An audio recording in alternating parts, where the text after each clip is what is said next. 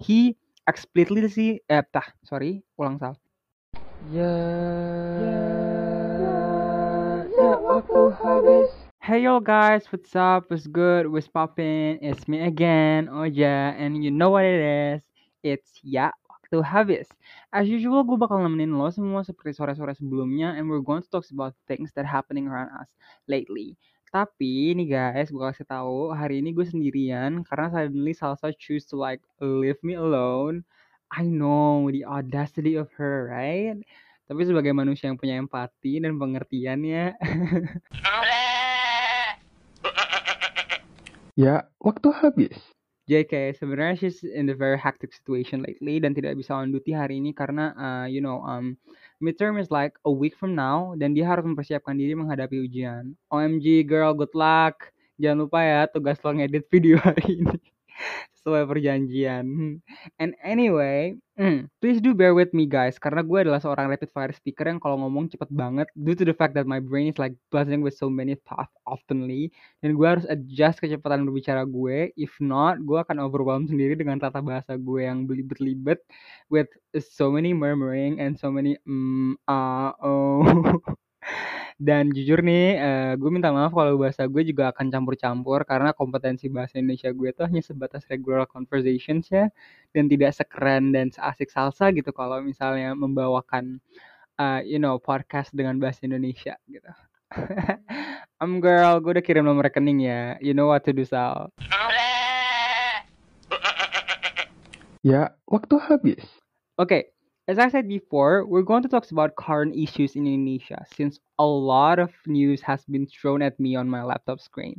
Sampai tuh gue bener-bener overwhelmed ya, kayak banget nih dengan pemberitaan yang ada. Like, I'm trying to like compile it as easy as possible as I can say supaya gimana ya lo yang sama pusingnya sama gue karena banyaknya pemberitaan yang dilempar nih ke depan muka kita. And due to the fact that every news focus on a different issues and adding to that kayak gaya retorik media yang berbeda-beda dan super duper advance kayak kita butuh nih mencoba untuk ngedumb it down. Jadi in a way like a lot like a lot of terms that my brain could not comprehend harus uh, gue coba untuk kayak simplify supaya orang-orang kayak gue yang agak memiliki uh, magerness tingkat dewa bisa ikut paham juga sama current issues. Ya, waktu habis. Jadi um, I know please do not adopt this kind of habit guys. I mean, stupidity is infectious for sure, but please do make it as a first attempt for y'all to like fill your brain with a complete understanding and other informations and yada yada yada. Okay, then, without further ado, let's hop onto the first issues. It is about omnibus law. I know you guys probably have done your research regarding these topics, and yep, in an overview, omnibus law atau Ciptaker that is being passed on the legislations on October 5th, 2020, kalau gue nggak salah, has become a focus of Indonesians right now. It is being said that it will create nearly 3 juta uh, pekerjaan buat orang-orang muda yang mencoba untuk mencari pekerjaan and about 6 million people who are unemployed because of the COVID-19 pandemic. Dilansir dari BBC, Presiden Joko Widodo mengatakan bahwa UU ini diberlakukan dengan maksud untuk membuat segala bentuk proses perizinan dan birokrasi pembangunan perusahaan jadi lebih simpel. Moreover, dikutip dari sumber yang sama, he stated it would be faster to respond to every world changes. Kesimpulannya adalah jadi bener sih apa yang dikatakan orang-orang kalau misalnya sebenarnya UU ini tuh uh, targetnya adalah menarik investasi dari uh, pihak luar atau misalnya orang-orang asing dan menstimulasi pertumbuhan ekonomi. Well, it even if it might sounds good though, what's really problematic with this bill is that it's open to the possibility of extreme exploitations of workers and environment. And here's the list. Yang pertama itu adalah pemutusan hubungan kerja secara sepihak. Artinya perusahaan bisa aja gitu mecat lo seenak jidat, which is way too horrifying for me and I know it's for you as well. Karena kalau dilihat lagi nih dalam UU Ciptaker pasal 154A, like oh wow, suddenly Oja paham hukum. Ya, waktu habis. Ada poin yang menjelaskan bahwa pemutusan hubungan kerja bisa dilakukan apabila perusahaan mengalami kerugian. And without any further explanations, kayak misalnya berapa lama kerugian itu terjadi baru bisa uh, melakukan pemutusan hubungan kerja secara sepihak dan kayak apa sih sebabnya kerugian tersebut terjadi itu nggak dijelasin.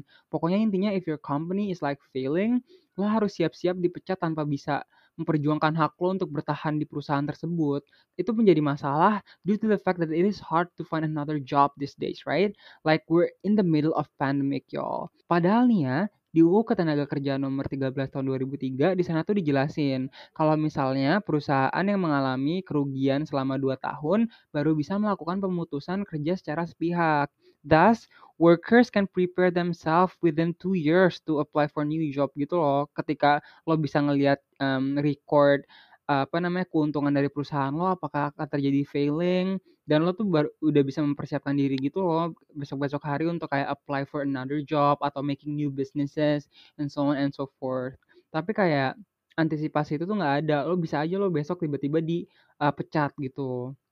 Yang kedua, yaitu um, penambahan jam kerja dari yang sebelumnya pada UU Ketenagakerjaan nomor 13 tahun 2003, yaitu sebelumnya dari yang maksimumnya adalah 3 jam per hari dan 14 jam per minggu, jadi 4 jam per hari dan 18 jam per minggu, which is uh, cukup um, melelahkan ya, belum sama waktu lembur yang harus lo uh, apa namanya terima ketika lo punya banyak kerjaan. Tapi ya dilansir dari um, artikel yang ditulis sama um, WhatsApp uh, WhatsApp Indonesia Mythbusters Omnibus Law yang dibuat oleh kerjasama antara WhatsApp Indonesia dan Uncovering Indonesia masih dalam kapasitas pekerja kok untuk menerima tawaran overtime tersebut. Jadi um, ya tetap ada uh, hak pekerja untuk menerima atau enggak tawaran tersebut sih. Jadi um, probably still cool, um, but still capek sih karena lo nggak bisa accessing work life balance yang menurut gue sangat penting di kehidupan zaman sekarang ini gitu loh. Dan yang ketiga atau last but not least, there is no more analysis dampak lingkungan atau AMDAL, uh, semacam perizinan untuk pebisnis yang mau membangun perusahaan agar memperhatikan dampaknya terhadap lingkungan. It means that it will match the environment, of course. But even so, uh, katanya sih, ini gue dapat uh, gue lansir dari Tempo.co, Menteri Lingkungan Hidup dan Perhutanan Siti Nurbaya Bakar mengatakan bahwa justru Omnibus Law ini memperketat perizinan tersebut. Tapi gue nggak ngerti kenapa ini jadi jadi lebih ketat karena it is confusing for me. Pertama, karena uh, apabila UU tersebut diintegrasikan dalam perizinan pembangunan perusahaan dalam Omnibus Law, mereka tuh nggak ngejelasin kayak um, bentuk dari analisis dampak lingkungannya tuh kayak apa, terus uh, tanggung jawab perusahaan terhadap lingkungan tuh kayak apa. Dan ini akan menjadi multi interpretatif, coy. Nah, ini usut punya usut juga, anjay. Ya, waktu habis. Maklumat yang sudah ditetapkan langsung oleh mantan Presiden Baharudin Yusuf Habibie setelah uh, reformasi dalam pasal 18 ayat 2 UU Kehutanan itu berbunyi luas kawasan hutan yang harus dipertahankan minimal 30% dari luas daerah aliran sungai dan atau pulau dengan seberang proporsional.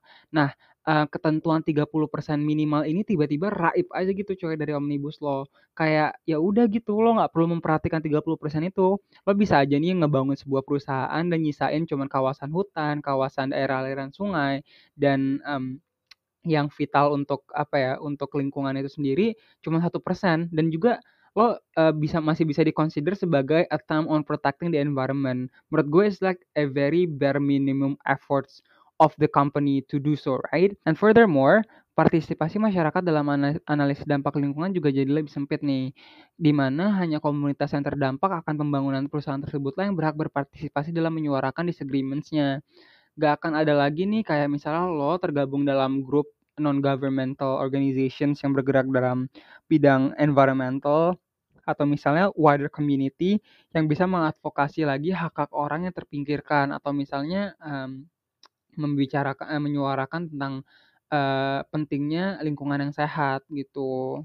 Which is uh, menurut gue ini problematik karena terkadang orang-orang yang jadi terpinggirkan ini adalah orang-orang yang memang vulnerable gitu. Mereka nggak punya uh, sources untuk kayak go into the court dan kayak uh, melakukan apa ya? Um, intinya mengadukan kepada uh, pengadilan kalau misalnya sebuah perusahaan itu telah melakukan uh, violations violations against their human rights. Jadi menurut gue kayak intinya dari poin-poin yang udah gue sebutin adalah ini memberikan hak kayak hak apa ya intinya tuh memberikan um, kuasa penuh terhadap perusahaan dan bisa aja bisa aja kekuasaan tersebut tuh digunakan untuk sesuatu hal yang tidak baik dan there's no one can ever questions the authority of this um you know state um, perusahaan And lastly on the behalf on the current issues. Ini menurut gue ini ada hal yang uh, adalah hal yang lebih lucu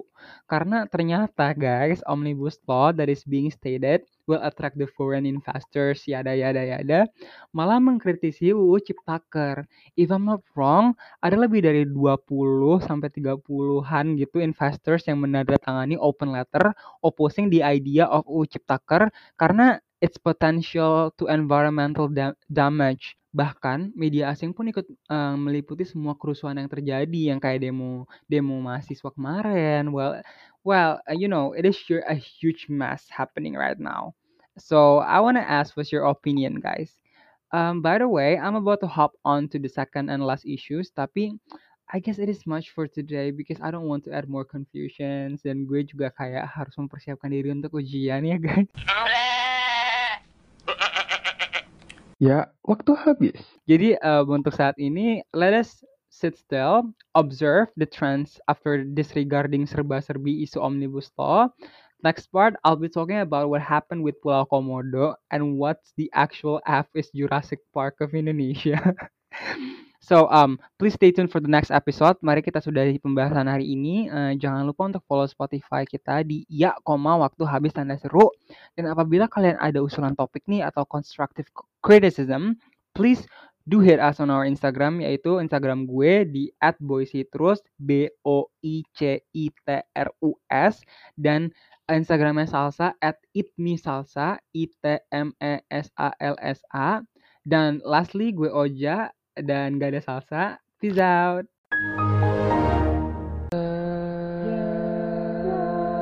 Ya, ya, ya, habis.